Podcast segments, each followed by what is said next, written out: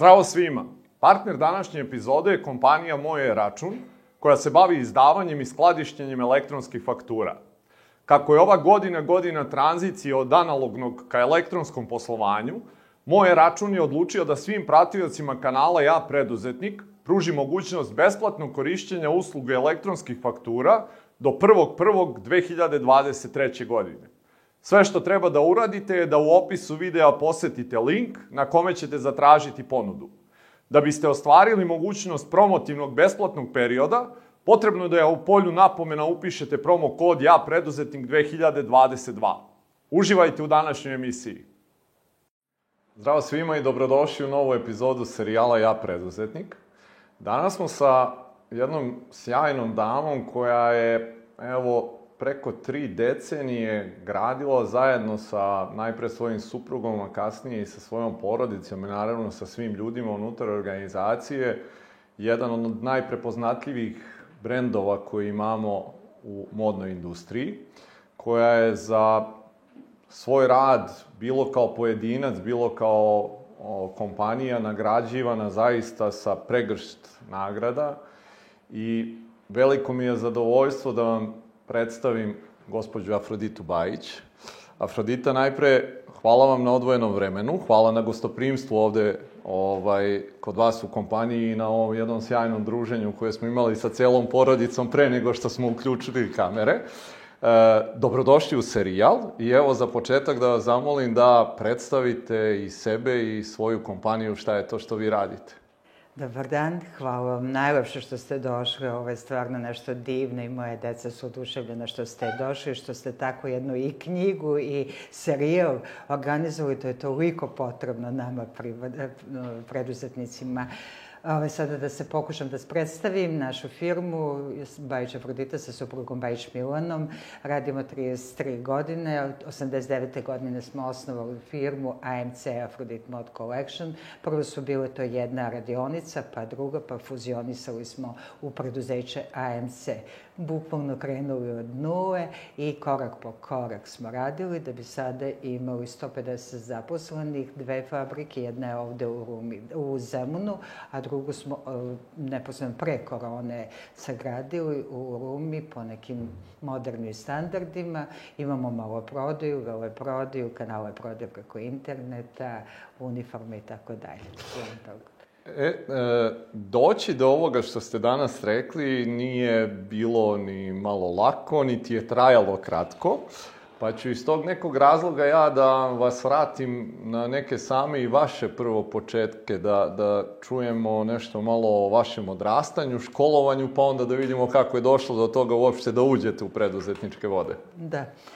Da krenemo od rastanju, od e, prvo gimnaziju 14. Ovaj, pravni fakultet, pravosudni, bila zaljubljena u pravo i išla kriminalistički smer, što mhm. nikakve veze nema sa ovim danas. Hobi mi je bila moda, tako da nisam tada ni naslutila to, da ću se time baviti. U sekcijama bila sudija porotniku, za vreme studiranja sam stalno u okružnom sudu obožavala i to je jedna komparativna prednost što sam bila na praksi i to što nije uobičajeno ni dan danas da se na fakultetima ili školama neguje praksa, sada je počelo, ali ne, ni, ni, nedovoljno. I ove, krenula, prvo kad sam završila fakultet, iako sam sa ovih prostora, čekala sam, ove, odnosno ne čekala, nego napisala, aktivno tražila posao i napisala 120 molbi. Mislila, bila sam ubeđena da ću biti primljena u sudu kad negde volontirati. To nisam bila porotnik, onako tek neko koji je sedao i statirao, nego sam volila i dijalog sa sudijama, sa svim zaposlenima, sa istražnim sudijama, sve me predmet, da se upoznam sa predmetom, sa veštačima advokacima, tužiocima, mnogo me to sve interesovalo. To su verovatno mogli da prepoznaju ovaj, to moje interesovanje i tako da je sve to bilo nekako kad kockice složite da jedan i jedan su dva, da ću biti primljena. Tražili su sedam uh, pripravnika, nisam. To je prvi šok bio i onda sam naravno žela da sazna ko je to primljen i kako i uvek volim da naučim ako je neko bolji, ako je neko imao praksu u sudu šest godina možda. Mm -hmm. Međutim, nažalost, to su bili neki ljudi koje nisam čak ni na fakultetu viđala nešto dovoljno. A onda je to prva nepravda i pre toga neke nepravde, a bože moj, u politici, ono Bucko, to je nepravda kad smo čitali kao mala deca i to treba krenuti i nositi se sa, sa time da bi onda napisala još, naravno, mogu, još jedan je bio konkurs i ni na tom nisam bila primljena i ajde, idemo dalje. Konkurisala i na kraju sam se zaposlila kod advokata. To je jedan, pogotovo za ženu koja se udala, koja planira decu, malo teža varijanta, u prepodne četiri suđenja, imate to, idete s jednog kraja Beograda, pa čak i van Beograda, drugi, onda popodne, pa i do 10 sati stranke primate i umeđu vremenu treba i nešto i da napišete, neku tužbu, žalbu i tako dalje. To je bilo prenaporno, a plata je dobro, taj da je početak i čovek uopšte i ne gleda o tome, nego to e, doživljao kao neku dodatnu prostor i mogućnost da se edukujete, da rastete i da na kraju posle toga možete i pravosudni da položite. To, tu je bila ta moja matematika neka. A, ovi, međutim, ovi, kad sam dobila prvo dete, to je, odnosno ostalo u drugom stanju, neizvodljiva I onda sam posle uh, porođaja tražila dalje neki posao gde bi bilo malo normalnije radno vreme u odnosu mm -hmm. na dete. Zaposlala se u 25. maju, tamo opet sam imala neku priliku nelogičnu da blage reći upotrebim gde prvo nisu imali pravnika dve godine unazad, malo ne, neki odnosi koji, eto, nisu bili takvi. Tražio mi odmah direktor koji nema e, mnogo manje škola od moje škole imao, da moram pravosudni. Ja sam to i planirala položila, to je 12 ispita u jednom danu, pored dvoje male dece, odnosno bebe koju dojite i drugo dete sa dve i po godine, velika, ozbiljna priča, e, da položiti. Položila u jednom danu i došla onako ponosna svom direktoru donela tu diplomu, a naravno sve troškove sam ja snosila. E, povisio platu za 100 grama kafe. I to, na, ništa, zahvalila sam se popite kafu. I tako neki, puno tih nekih absurda, da ne, ne ulazim dalje u te absurde i da ne pričam. A paralelno i moj suprug je u prvoj iskri, on je posle 11 meseci postao direktor tamo i stoje godinu dana tražio posao u Beogradsko dete bez ikakvih veza, iako su roditelji kao i meni bili intelektualci na, i cela familija, ali nekako idemo ovaj Giartes onim putem kako smo na, naučeni i vaspitani, ne ništa preko veze, nego na osnovu svojih ličnih, isključivo ličnih svojih zasluga i on se zaposlio u prvoj iskri, 40 km od Beograda, ali bio srećan. Srećan se 4. maja kad Tito umro i ja njemu kažem što se smeješ Tito umro, kaže pa kako se ne smejem, pa tra... Ovi, dobio sam posao, nema veze što je prva iskra. I tako, i on se tamo zaposlio i posle 11 meseci je svojom zaslugom postao direktor, ali je i kao direktor, kao jedan, uh, on je završio fond prva generacija, mogao da vidi uh, kakvi su računi, kako je to izgledalo, koliko je to realno i koliko se možemo nadati nekom prosperitetu i on da se nada u tome, iako je na Mašinskom fakultetu radio razne projekte, bio, bio je prilično upoznat u celu, celu priču. Nije mu se to dopalo, ni meni se nije dopalo I sada je bilo logično da ja kao pravnik sa pravosudnim, znači advokat, mogu da krenem u, u te vode. I to je nešto najlogičnije što se očekivalo od mene. Međutim, tada je bila hiperprodukcija pravnika, advokata, i to uglavnom advokati koji su žene u tužilaštvu sudstvu, a muževi advokati, to su, i tu ne bi mogao baš mnogo da konkuriše, mogo bi na duže staze, ali i slučajno, možda bi otišla i u advokate i to to bi bilo nešto najlogičnije i najbliže mojom obrazovanju ovaj, hobi sam stavila, uključila da bi pomogne, ali to totalno slučajno kupila od jedne dame 20 metara svile koja je bila predivna, ona je donala iz Rusije i napravila ovaj, neku kreaciju bluza koja nisam kazala još u gimnaziji, sam se družila jako sa jednom koja mi je posle bila i kuma, devojkom koja je bila kreator u Italiju se školovala, prvi butik u 27. marta, koji je svakog dana posle gimnazije odlazila, listala časopisa i putovala sam dosta tada i otac mi imao kancelariju u Mihenu i tamo sam imala prilike to da se upoznam i sa modom i sa časopisima i sa svim što mi je na dohvat ruke. I tako sam, eto, tu imala taj osjećaj i mislim da i danas imam. I krenula skrojila to sa burdin šnit, malo sam se pomogla i napravila jednoj dami da, dala da sašije i drugoj dami dala da odnese u Genex na pauzu, bukvalno, i to se za pet minuta prodalo, tih pet buza. Da li je to početnička sreća ili je to ona formula koju sam u životu i moji roditelji i meni, kad radiš, radi nešto najbolje što možeš i kvalitet, ali u najširem smislu reči, uvek nije dovoljno samo jednoprozorno da nauči, nego to što naučiš, što pročitaš, moraš da razumeš, moraš da primeniš i kvalitetno da primeniš, a ovde u toj buzi i da bude moderna i da bude kvalitet i da bude lepo upakovan i da odnos cene kvalitete, mislim čak da sam i pocenila sa cenom, što sam kao jednu grešku, možda ćete me pitati, koju sam pravila između ostalog, tu sam sa cenama malo uh, pocenjivala, stavila nižu nego što je realno broj. I eto, to je ta bila početnička i odmah naručili nove buze. I sada smo pranela muža, nismo mogli da verujemo šta se to dešava. Ajde drugi, onaj školski primer, uh, da obnovimo, da kupimo sada ne te pare da potrošimo sad u neke cipele, u neke gluposti, nego odmah u procesu drugi krug, pa u treći krug. I onda smo videli da eto to onda u komisioni, tada su postali komisioni, nosili, oni uzimali svoj procena, davali robu, oni kad prodaju dole zovu nas da naplatimo, da platimo i to je tako išlo. Onda smo čuveni rad na sic, po o, o, selima smo davali po Beogradu, okolini Beograda, ženama koje su znale da šiju, po, da saše svaka od njih po nekoliko, to je bilo komplikovano užasno komplikovana, a druga jedna dama je krojila u svojoj radionici, koja je inače inženjer, koja je sa mojim mužem i bila i komšinica, i njen muž koji je takođe inženjer, ali oni su popodne u svojoj garaži krojili nama.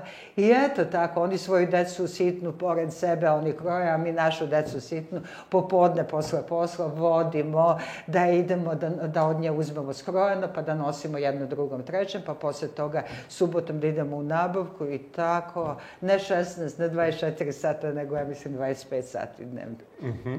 I e, tad ste rekli, znači, te neke prve ajde da kažemo, mušterije i klijente ste dobili u Genexu kad ste odneli. Jel to, to kasnije to, bilo slučajno, onako da. preporuka da. jedna žena drugoj za, za to, pa, pa ste jeste, tako dolazili jeste. do... Jeste, i tako, i preporuka i onda ovi, to u tim komisionima, a onda sam prvu reviju napravila sama, tada još nismo imali kreatori, ja sam kreirala te modele i u Hayatu. Hayat je tada, revije su bile nenormalno skupe, Ja sam tada vozila BMW-a i bez problema smo rešili da prodamo taj BMW, da kupimo jedan poli sa razvaljenim vratima koji se kanapom vezivao da bi mogao da bude zatvoren i ostatak novca u reviju smo dali.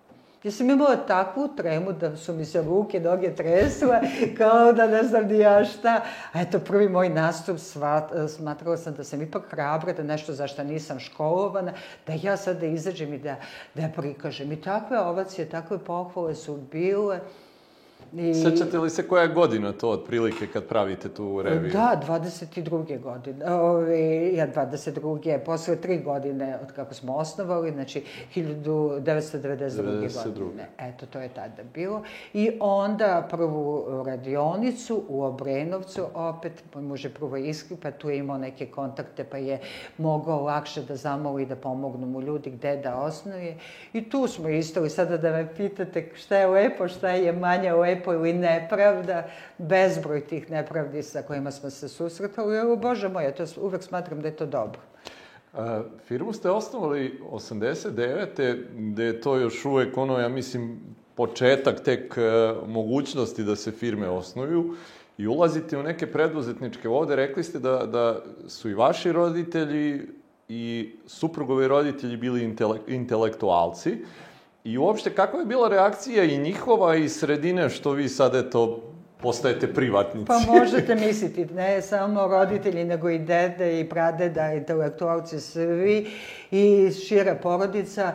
I oni su bili začuženi, osim mog oca koji je imao preduzetnički duh, koja je isto jedna jako nepravedna priča prema njemu kao jednom predratnom, pred drugog svjetskog rata ekonomisti koji je završio za tri pogone sa ogromnim visokim prosekom i koji je četiri jezika savršeno govorio.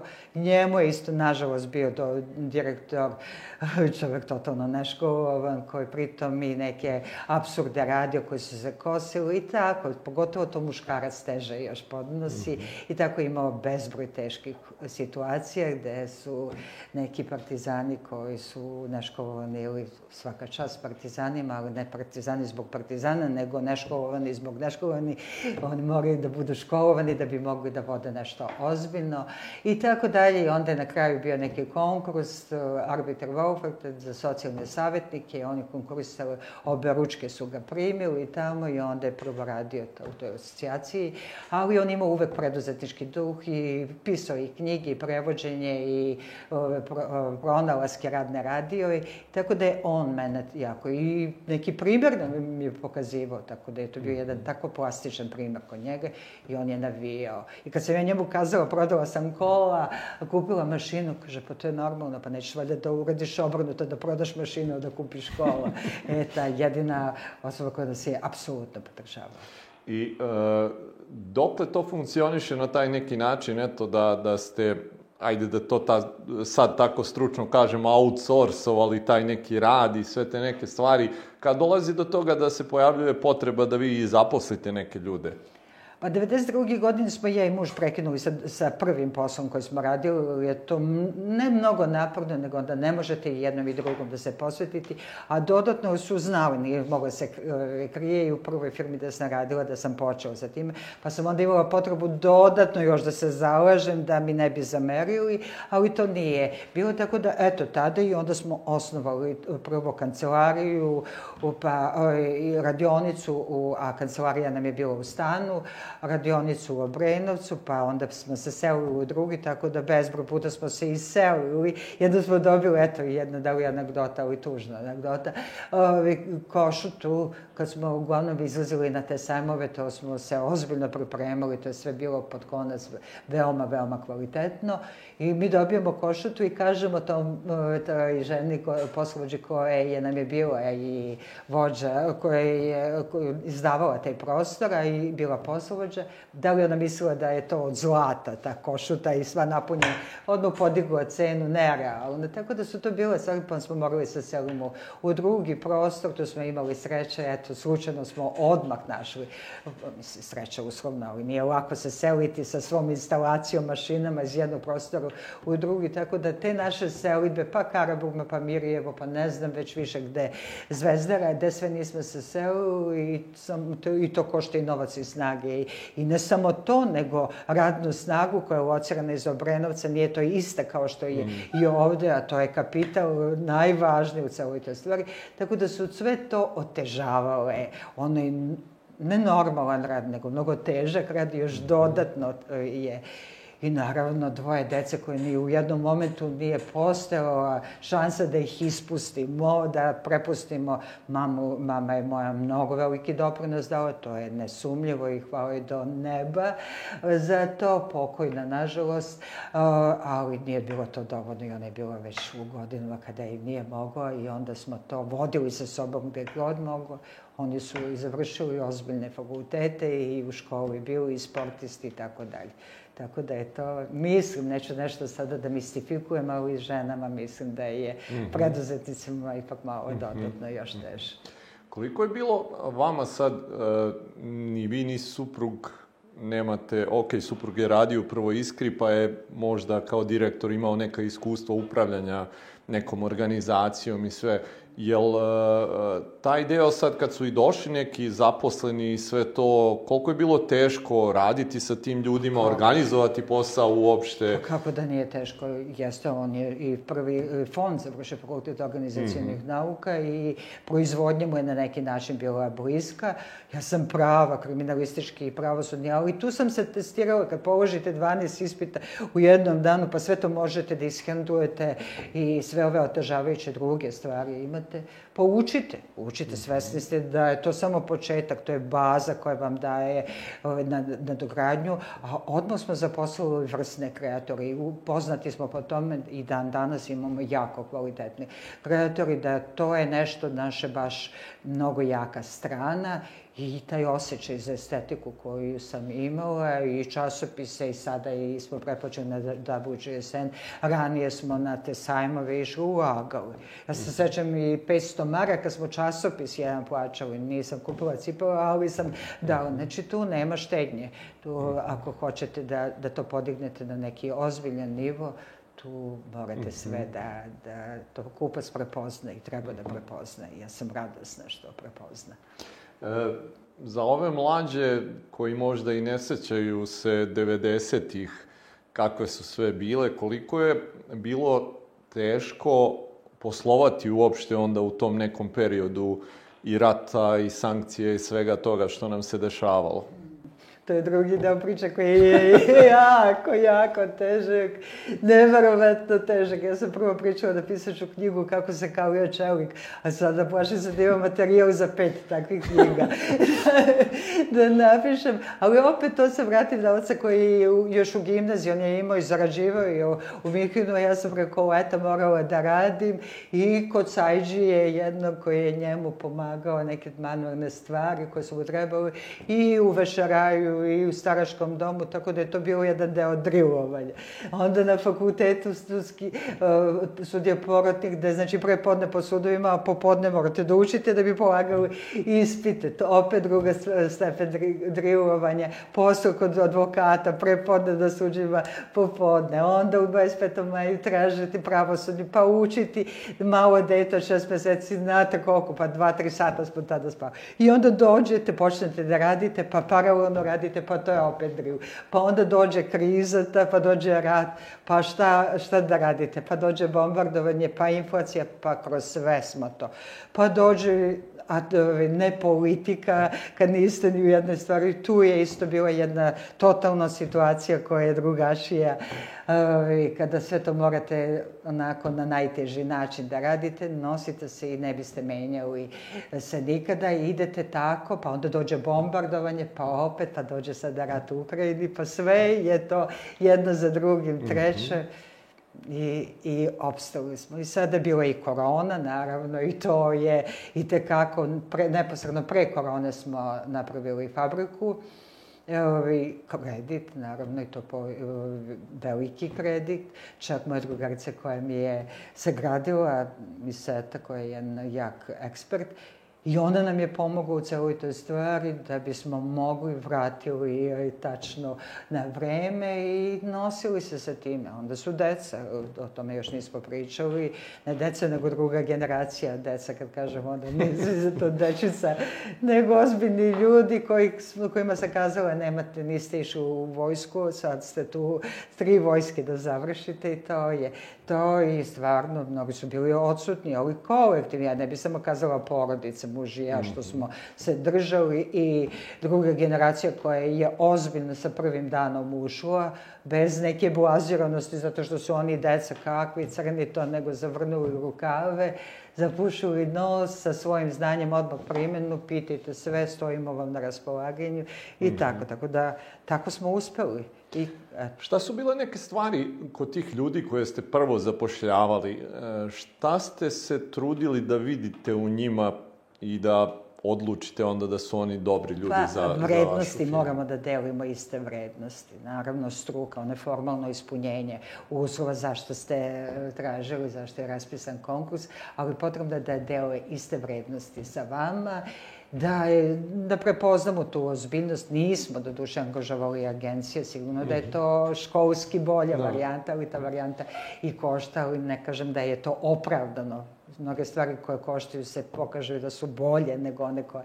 Nego što i tada, eto, na taj način smo krenuli i mislim da da smo dobri, da dosta imamo lojalnih ljudi, a sad u ovom momentu ne samo sa drugom generacijom, nego sa kolektivom prezadovoljni smo. Volimo da kažemo da je to jedna širo, prošarna porodica mm -hmm. naša, da, sa kojom divno sarađujemo.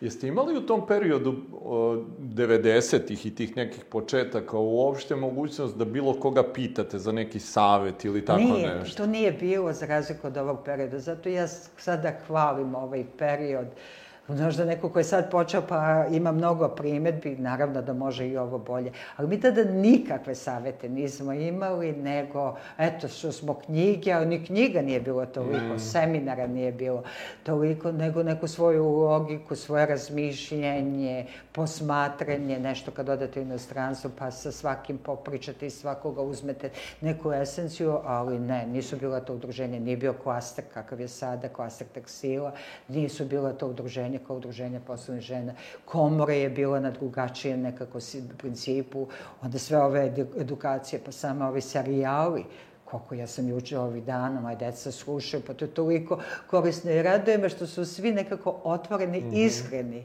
Tu nema zazora, niko se ne poše od konkurencije. Šta znači ta konkurencija? Pa za sve ima mesta, samo da je zdrava, da nije monopol, da je nelojalna. E, to ne, to je nešto loše. A zdrava konkurencija treba bude inspirativna i to je jedino logično. Mm -hmm.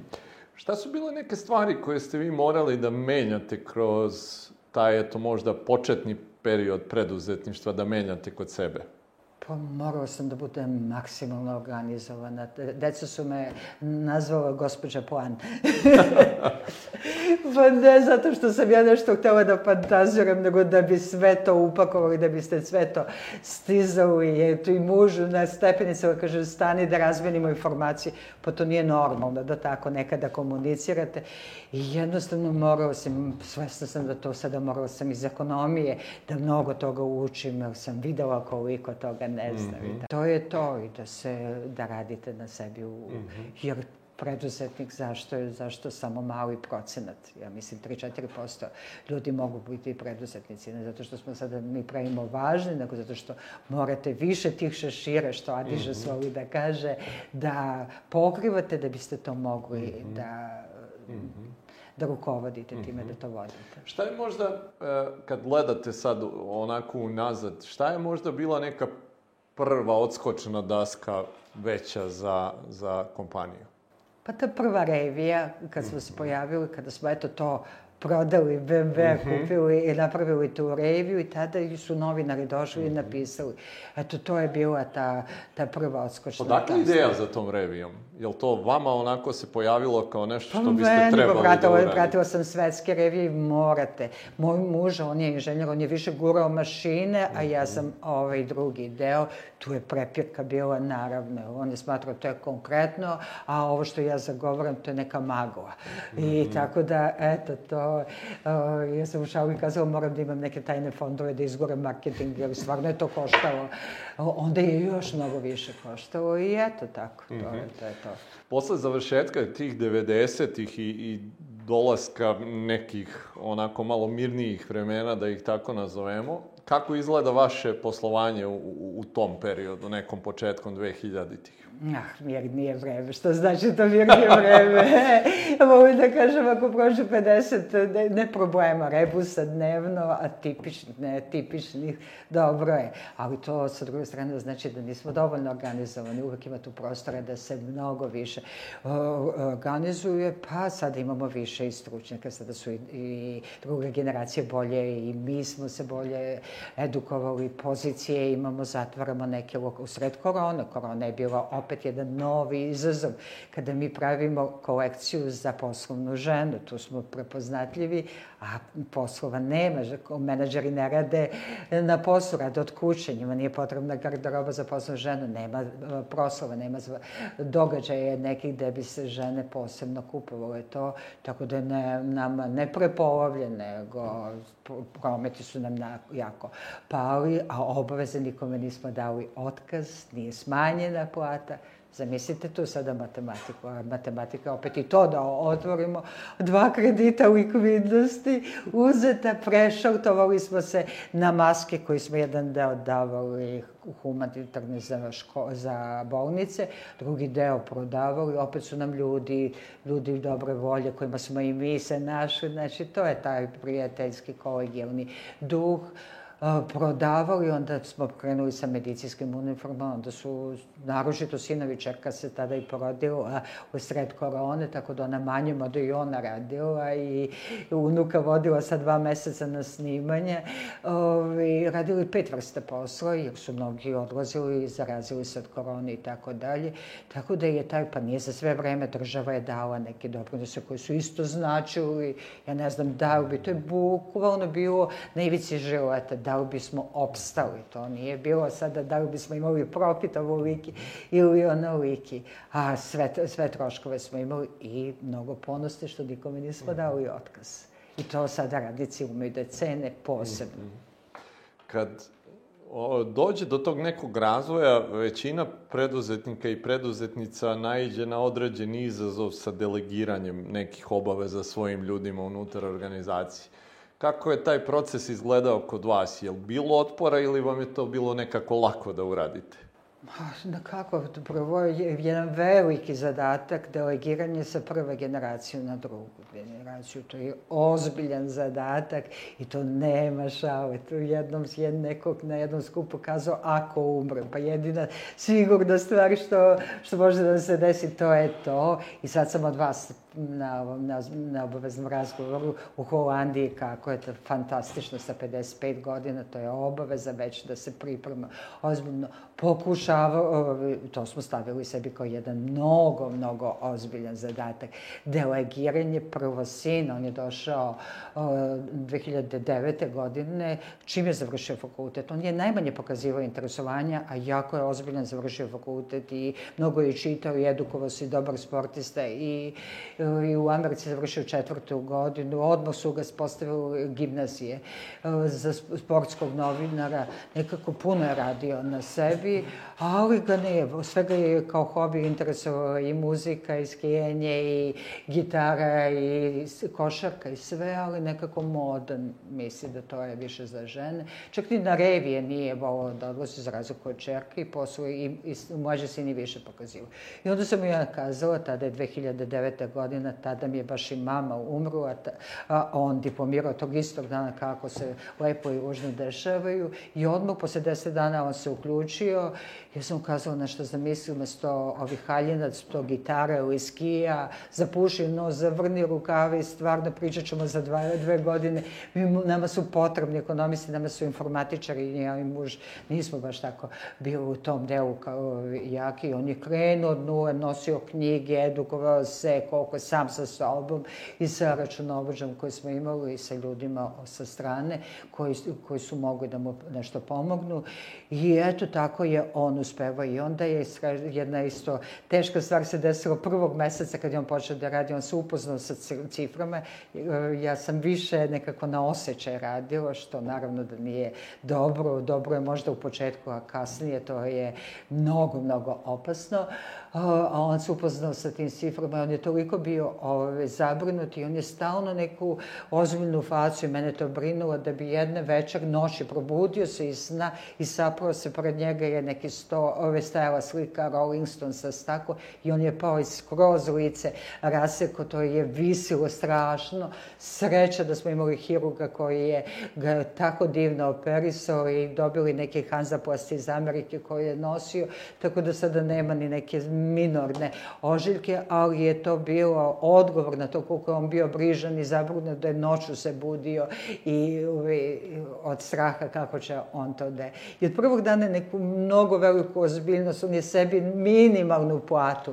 dao da je to stvarno neverovatno i dolazio prvi na posao, ostavljao, ostavljao zadnji, skromno, ozbiljno se ponašao i stalno učio i radio na seminare, da za seminare kakvi, za, za neki luksuz. I to su prepoznali e, zaposleni. Oni su ga prvog dana zavolili, on je takav autoritet i dan danas, tako mlad je bio, i, ali su ga poštovali i uvek su ga direktor, posle kad je postao direktor, on ničim nije pokazivao osim svojim znanjem i nekom blagošću i ozbiljnošću i ja sam mu i pričala između integriteta i kredibiliteta je velika razlika ti moraš da, da imaš kredibilitet, desetog u mesecu plata mora da bude i sve ostalo. Tu se sve ostalo, ni tebe simpatišu, ni tebe poštuju, vole, ali kredibilitet je. I tako se i dan danas i evo, slučajno sam saznala kada je i mlađem si, e, sinu i, i čerci spustio platu, ali je dao KPI, način uh, nagrađivanja, jako dobro postavljen, da ako ispune plan i ako 5% od ispunjenja, to se divno povećava, tako da je bi na taj način imali i veću platu od postojećeg, onda disciplina i pre, on prema sebi prvo, a onda je zahteva od brata i sestre, pa i od mene. Kad sam ono, na početku, ja sam kasnije dolazila, eto, to nije dobro, ali sam ostajala dugo. I onda je on meni jednom kazao, mama, malo je neozbiljno da, da, da dolaziš u pola devet, devet, ajde gledaj da dođe. Oh, mene je postideo. A da bi bra, da, brato i sestre kažu ne može, to ne postoji stvarno, ni da dolaze neka si, mlađi sin u sedam i to je to. Ali nije samo bitna forma, nego i suština je bitna, šta urade, znači tu od toga, ne sada da se diče što 10 sati ostaje, nego šta su uradili, kako su radili, kakve efekte postižu. Malo pre ste spomenuli da, da kad je bilo oko te revije, da, da ste vi bili za tu reviju, suprug baš i nije. Kako ste rešavali tako neke stvari kad ste vi mislili jedno, a on drugo? Pa znate što, pošto nas je malo bilo, pošto smo mnogo poslova ja i on radili, mi smo morali da se podelimo. Ja sam jedan deo poslova obavljao a, Milan i to je tako kompatibilnost kod nas bila i on je bio mnogo jači u jednim stvarima, a ja u drugim i da smo hteli, mi nismo mogli da u, u, ulazimo to. Pa mala prepreka, ali to je neznatno, nismo imali vremena. Jednostavno nismo imali vremena da se svađamo. Poverenje, poštovanje, ozbiljnost, 40 godina braka i pre toga 4 godine zabavljanja i Eto, tu smo, ja sam ranije kazala, sad čuje Bože da radim sa mužem, a eto, sada sada da samo sa mužem, nego i sa decom, prema tome nikad ne reci nikad. Je li bilo moguće tad ono da, da ste nekad e, zajedno vi i supruga da se ne priča oko posla? Pa sada i da, ali redko. redko, sad se trudimo da, ali to nije spontanost, da, da ne pričam, sad su došli unuci, to je veš, velika naša sreća, imamo i, i tako da stvarno sad imamo dodati zadatak, ne više njih da vas pitavamo, oni naravno imaju roditelje koji su kvalitetni, nego ono malo vremena sa njima koje provedemo, da provedemo na kvalitetni način i njima da se obraćamo, da im prenosimo neke, neku edukaciju, ne da im pustimo crtane, da im damo čokoladu i kolače, nego suprotno od mhm, toga. Mm -hmm, mm -hmm. E, vi ste negde započeli i, i, i svoj biznis, deca su već i bila rođena.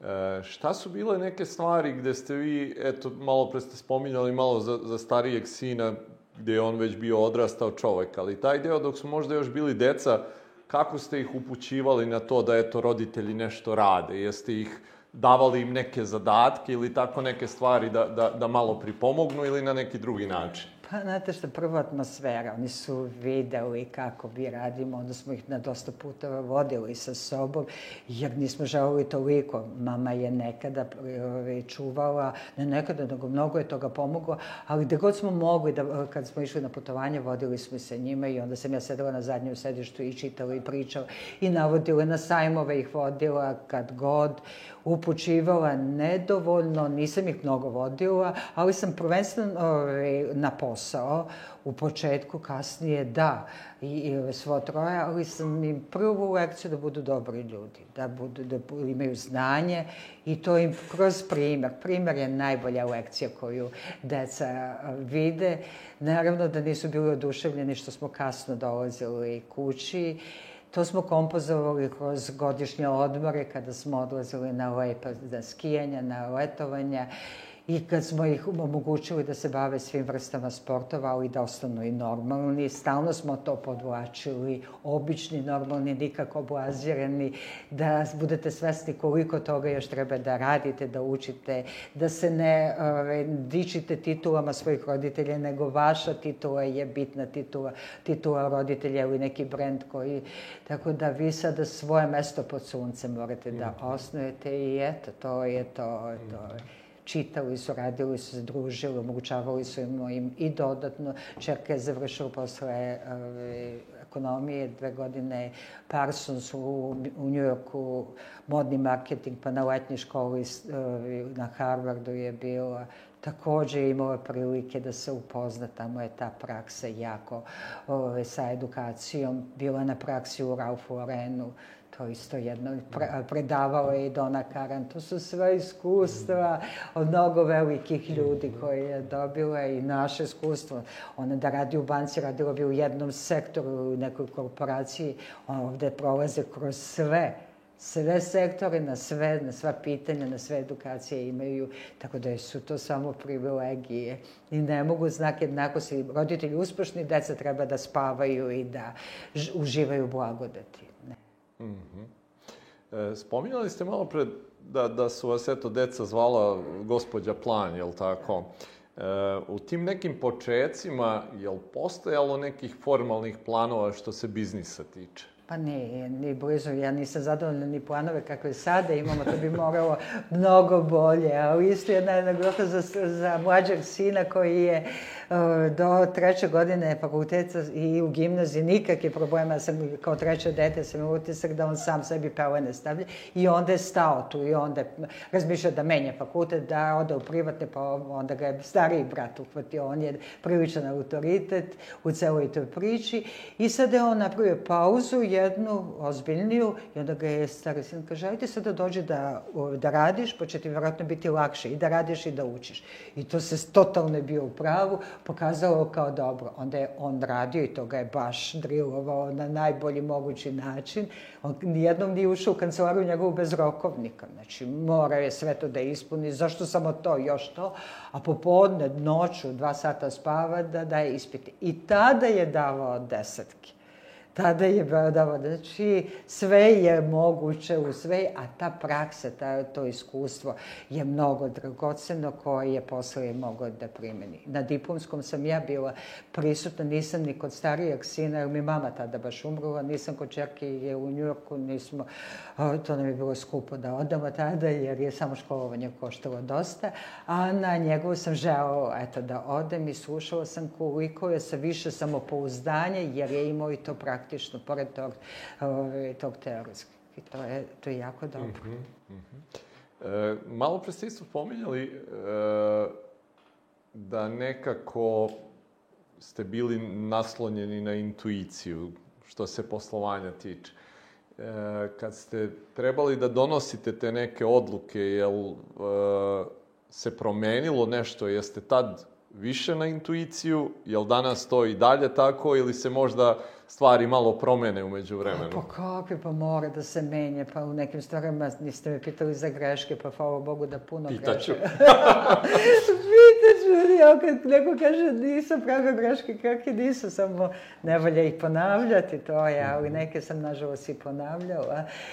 Pa te brojke sa tim broj, brojkama sam totalno posvađana, ali tu mi je i muž i sin, naročito sin je sada bio uporan u tome, poglede i ovo, pa ne možeš da, da pušta scenu, to ja ne znam zašto uopšte, da bi to pri, približila ove, doslovno. Ja kad sam pričala VIP ove, dame, nisam mislila VIP dame sada neke ambasadorke samo, nego da je to dostupno, svaka dama je VIP dama za sebe i da to bude dostupno širokoj lepezi. Jedna moja drugarica koja je doktorka u Domu zdravlja, koja je divna dama, jedna produhovljena, ali nažalost tada su plate bile jedna druga moja drugarica sa fakulteta koje sudije, tada je imala tako malu platu, tako skromno, dvoje deca škole obučene i jedna i druga su mi, su mi napisali, kaže, hvala što si srpskoj ženi vratila dostojanstvo.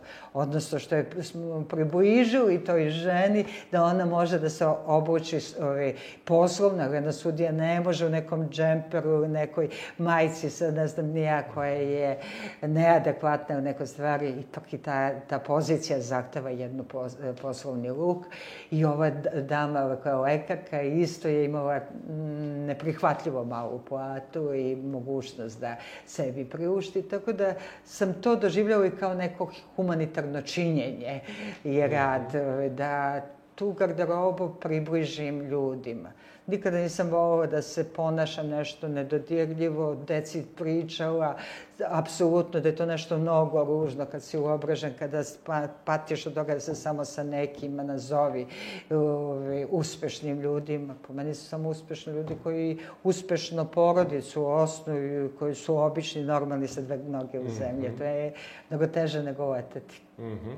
Koliko je teško uporedo uh, i, i, i stvarati porodicu i da kažemo raditi na njom, održavati je i pritom plus graditi i biznis u sve to.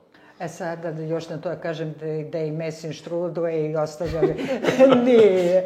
To je one, sada sam ja idao na pa pomoć. I imala sam prvo supruga i majke, majke pre 12 godina umrula.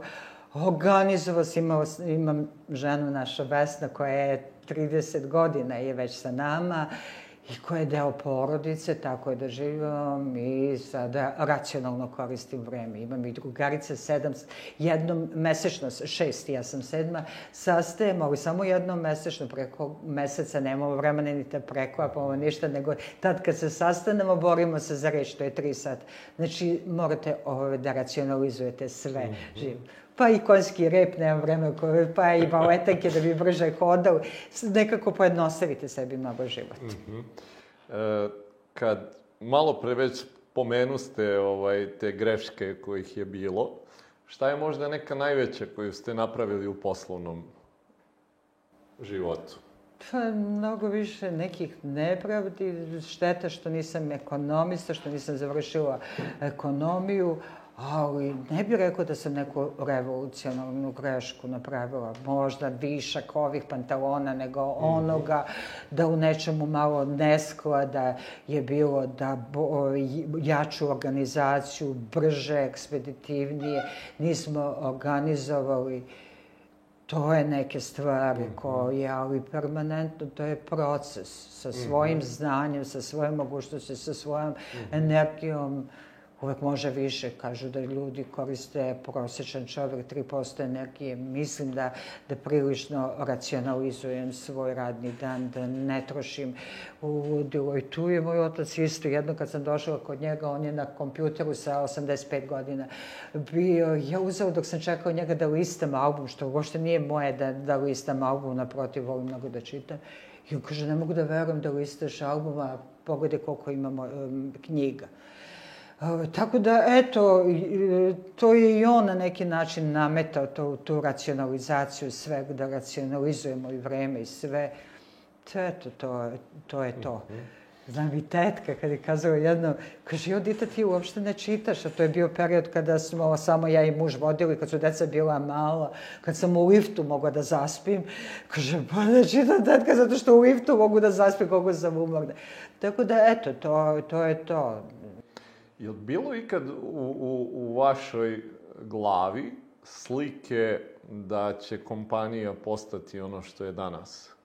U tim možda nekim početcima? Pa ja i sam imala potajno mhm. neku viziju koju imam i danas, pa neki kažu e, a, da nije prejak, ali ako mm -hmm. puno ne sanjate zašto i da, da ne bude. Ali mislim, korak po korak i ono kada studirate i kad vidite koliko knjiga kad bi naređali do plafona, pa tu mislim, ne toliko studija, ajde kada studije pa jedan po jedan ispit položete, pa ste student, pa nemate ni decu, mama sprema ručak, pa eto, samo učenje.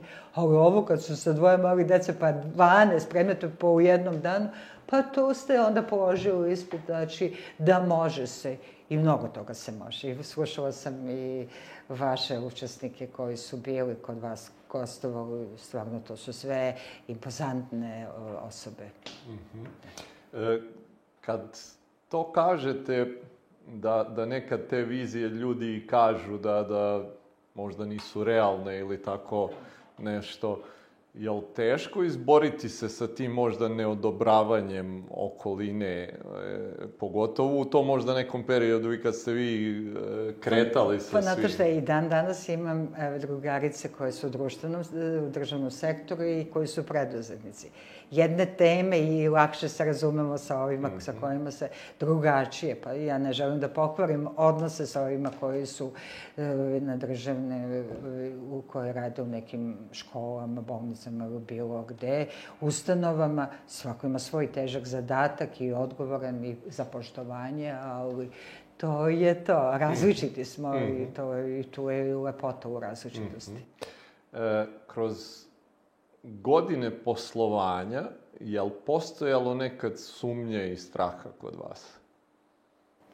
Pa postojala je neka doza, jer su bile neverovatno teške situacije i neverovatno te veliki krediti i ozbiljnost, ali ta snaga mnogo mi je pomogla što smo muž i ja zajedno tu i u nekom momentu kad sam ja u minus, on je u plus, pa gurali smo ne znam, valjda i Bog nam je pomogao u celoj toj stvari, jer su baš bile teške, ogromne kamate. Da pričam, to je stvarno to da ostavim za pet knjiga. Kolike su kamate, kakvi su uslovi obrade kredita, sve je najteže, najteže, najteže. Zašto je to po, bilo potrebno sve to tako? Kako da neko nije to prepoznao? Da malo, nismo navikli niko da nam da, da nam pokloni, da nam padne s neba. Ja sam jednom na jednom skupu kazala, meni je, kad me pitali ko vas pomaže, ko stoji iza vas, meni je pomoć da mi se ne odmaže. Eto, možda je malo delovalo, možda i blazirano, ne volim da budem blazirana, ali nekako je izletalo iz mene. Mm. Kad pogledate taj neki period, evo koliko već, 30 i nešto godina, e, da ste u preduzetništvu i negde i vi suprug ste pioniri preduzetništva uopšte na ovim prostorima. Kako vidite da se slika o preduzetnicima menjala, da li se uopšte menjala kroz ove decenije koje su prošle? Tu mediji moraju mnogo jaču, uopšte i država jaču ulogu, ali ja mogu da napravim paralelu od ranije i sada neuporedivo je bolje, ali mora da bude još bolje. Pa uporedno pravo i mi na fakultetu smo imali nešto, mi nije tako ostalo u sećanju da smo to uvijek značaj tom predmetu ovaj, dali, ali to je čudo, ne treba da izmišljamo toplu vodu, opet se vraćam na Holandiju koju ste naveli i na mnoge druge zemlje, da ne pričamo Kina, Koreja, Japan, pa to, to rade oni, to je ono pravo prijatnu stvar. Ja sam bila ambasadorka ženskog preduzetništva dve godine i prvo, samo da smo se nas deset družilo među sobom, da smo sedeli u jednoj zatvorenoj sobi i među sobom razmenjivali, pa to je nešto fantastično. Toliko toga da smo mi brzo pričali da bismo ispričali sve jedno drugo, pa stanemo, pa na vratima treba da idemo kuće, da se razilazimo, e samo još ovo da. Samo to bi bilo korisno. Drugo smo imali i prilike da putujemo i po Srbiji i van, da obilazimo i da prenosimo. Jedna prijatna stvar što smo mogli da izmerimo sa drugim zemljama, pa naša ekipa je bila sada da ne, ne shvatite pogrešno, ali mnogo jača merila koja kriterijumi, koje škole, koje, ove, koliko zaposlenih, koliko dugo radite, koliko poreza plaćate. I pritom i stabilne porodice i ozbiljne, odgovorne, obične. U dres kodu jednom skromnom, poslovnom, ne, ništa napadno, što ne bi mogla kažem za druge neke zemlje koje su mnogo bogatije od nas. Tako da smo baš bile ponosne na sebe, ako mhm. možemo tako mhm. da kažemo. Čak smo i dobili neka kola, nismo hteli ni da uđemo, idemo mi autobusom da se ponašamo, ali i na nekim fakultetima u Srbiji kad smo bili, eto i to je nešto da smo, su studenti, kad smo mi pričali naše priče, niko nije izašao. Znate kako se mhm. na fakultetima, kada profesori predaju, ne svi, neki profesore, svi ostaju do kraja, ali niko nije izašao Svi su, i posle su nas čekali da postavljaju pitanje. To mi je bilo jako interesantno. A i u Briselu, kad smo bili na tom skupu, ministar njihov je neslučajno postavio nas u prve redove, a ministre i, i funkcionere iza nas. Hotel sa pet zvezdica mi, sa četiri oni. I, i potenciraju to u svom govoru istakao. Mm -hmm. Nije to nama bitno, naravno, ni pet, ni sa tri, sa dve zvezdice i pod šatorom, nije, nije, suština u tome, ali moramo, ne zbog nas, samo da se izanalizira klaster naš, na primer, tekstila. Pa to je jedan fantastičan skup ljudi koji je ozbiljan. Naš klaster treba da se ponosi, to je u Srbiji, u drugim regionima nema. Nema takvih ali svi zajedno smo jaki kao celine i mnogo dobro funkcionišemo. Mm -hmm. e, nekako kroz vašu priču vidi se da, da vreme koje ste imali na raspolaganju je bilo onako popunjeno do gotovo poslednje sekunde. I zanima me, je li postojalo nešto u tim, ajde da kažemo, fazama pre nego što i druga generacija ušla u posao, što je bilo vaš izduvni ventil? Uf, pa kako da ne imam više izduvnih ventila, mm -hmm. porodice. Na prvom mestu vikendice na Dunavu, to mm -hmm. koje oboživamo, druženje, porodice, prijatelji, šira porodica, knjige, sport, skijanje, plivanje, šetanje, puno toga hobija, tek mhm. sada kada u pravu penziju imamo isto, ja mislim da ću biti još više zauzeta pet puta nego što sam sada izduvnih ventila koliko hoćete imate. Mm -hmm. Kad je organizacija rasla i povećavao se i broj zaposlenih i danas kažete, eto, 150 ljudi radi kod vas, e, povećava se verovatno i odgovornost koju onda osjećate. Kako ste se nosili sa tom odgovornošću i negde i stresom koji dolazi sa svim tim i uopšte svim ovim stvarima koje ste negde spominjale da se dešavale. Da, pa Bogu da zahvalimo što smo zdravi do danas. Ja uvek kažem svaki dan je novi dan, šta će sutra, ali neke stvari ne treba ni čačkati. Meško, mora čovek i da radi na svom zdravlju i na svojoj psihi i protivnik sam nekih sedativa, bilo koje vrste. Najjači sedativ je rad na sebi i sport i prilaženju, znači ne ispod tepiha, nego prvo ujutru najteža stvar, rešavati, videti uzrok zbog čega je šta, kako, zdravo živeti, eto, to je to. Je li to došlo kao negde posledica uh, samootrežnjenja kroz taj neki život koji ste vodili, da jednostavno morate da počnete i da vodite računa o sebi ili je to negde bilo urođeno, da to tako kažem? Pa, znate što imao sam isto primjera oca koji je govorio luksuz je biti bolestan i on je vodio, on je sam vodio svoju firmu do 75. godine, a radio, evo i tu imam i kompjuterski rečnik koji sa 90 godina za početnik. I on je stalno pričao da je luksus biti bolestan, više struko, jer si na teretu i državi i drugome i ti ne možeš da radiš i možeš i da umreš i da budeš, da trpiš bolove. Tome i najviše i najjeftinije biti zdrav, jeste piti vodu, a ne piti neki viski ili ne znam ja šta, jesti voće, a ne kolače, pohovano, ne nego ovo, ne nervirati se, pa i njemu, on je hiljadu kako je, tek kroz kakav je život on prošao, koliko životnih nepravdi, kad je on meni ispričao Delić, ja sam kazala, izvini, ja sam živao u Disneylandu, onda sve ovo što sam ja vama, ja smatram Disneylandu u odnosu na, na njega, njega, ali on je to naučio, nema kukanja, jer kad kukaš još dodatno se trošiš, tako mm -hmm. samo priči, priđi ovaj, normalno. Mm -hmm. e, šta su bile neke stvari koje ste se vi i suprug trudili kroz vaspitanje dece, neke vrednosti da prenesete na njih? Uh, to je, to je nešto apsolutno prioritet prioriteta biti dobar, nema alternativu, ljude delim na dobre i na loše, na crnce i belce, pošten, o, ozbiljan, odgovoran, poslovan. Tu nema, nema varijante drugačije. Dnevno, polusatno o tome smo pričali, navodili primere i to je nešto kao što se treba prati zubi. Eto tako, to je to. Baš smo mnogo na tu temu pričali. Mm -hmm. kad su oni stasavali, eto tako da polako ulaze u firmu, kako je izgledalo to uvođenje, da to tako kažem, i, i e, vaš odnos prema njima? Pa evo i čekaju u neformalnom razgovoru kazala kad je došao, pa sa, za sina sam već kazala, mm -hmm. jer je bilo baš taj krizni period i užila, kažem, stvarno, ne, ne mogu sad da tebi da objašnjavam da li voliš ili ne voliš, potrebna nam je pomoć i, i radi. On je stvarno i takav po senzibilitetu. A čeka je volila to, da je školovana i studirala, ali nije ona sad nešto da je uobražena po prirodi, po senzibilitetu, ali sam dodatno osetila potrebu da kažem, a e sad da ti si studirala studirala u Njurku, radila kod Ralph Lorena, ja sam ti mama, tata.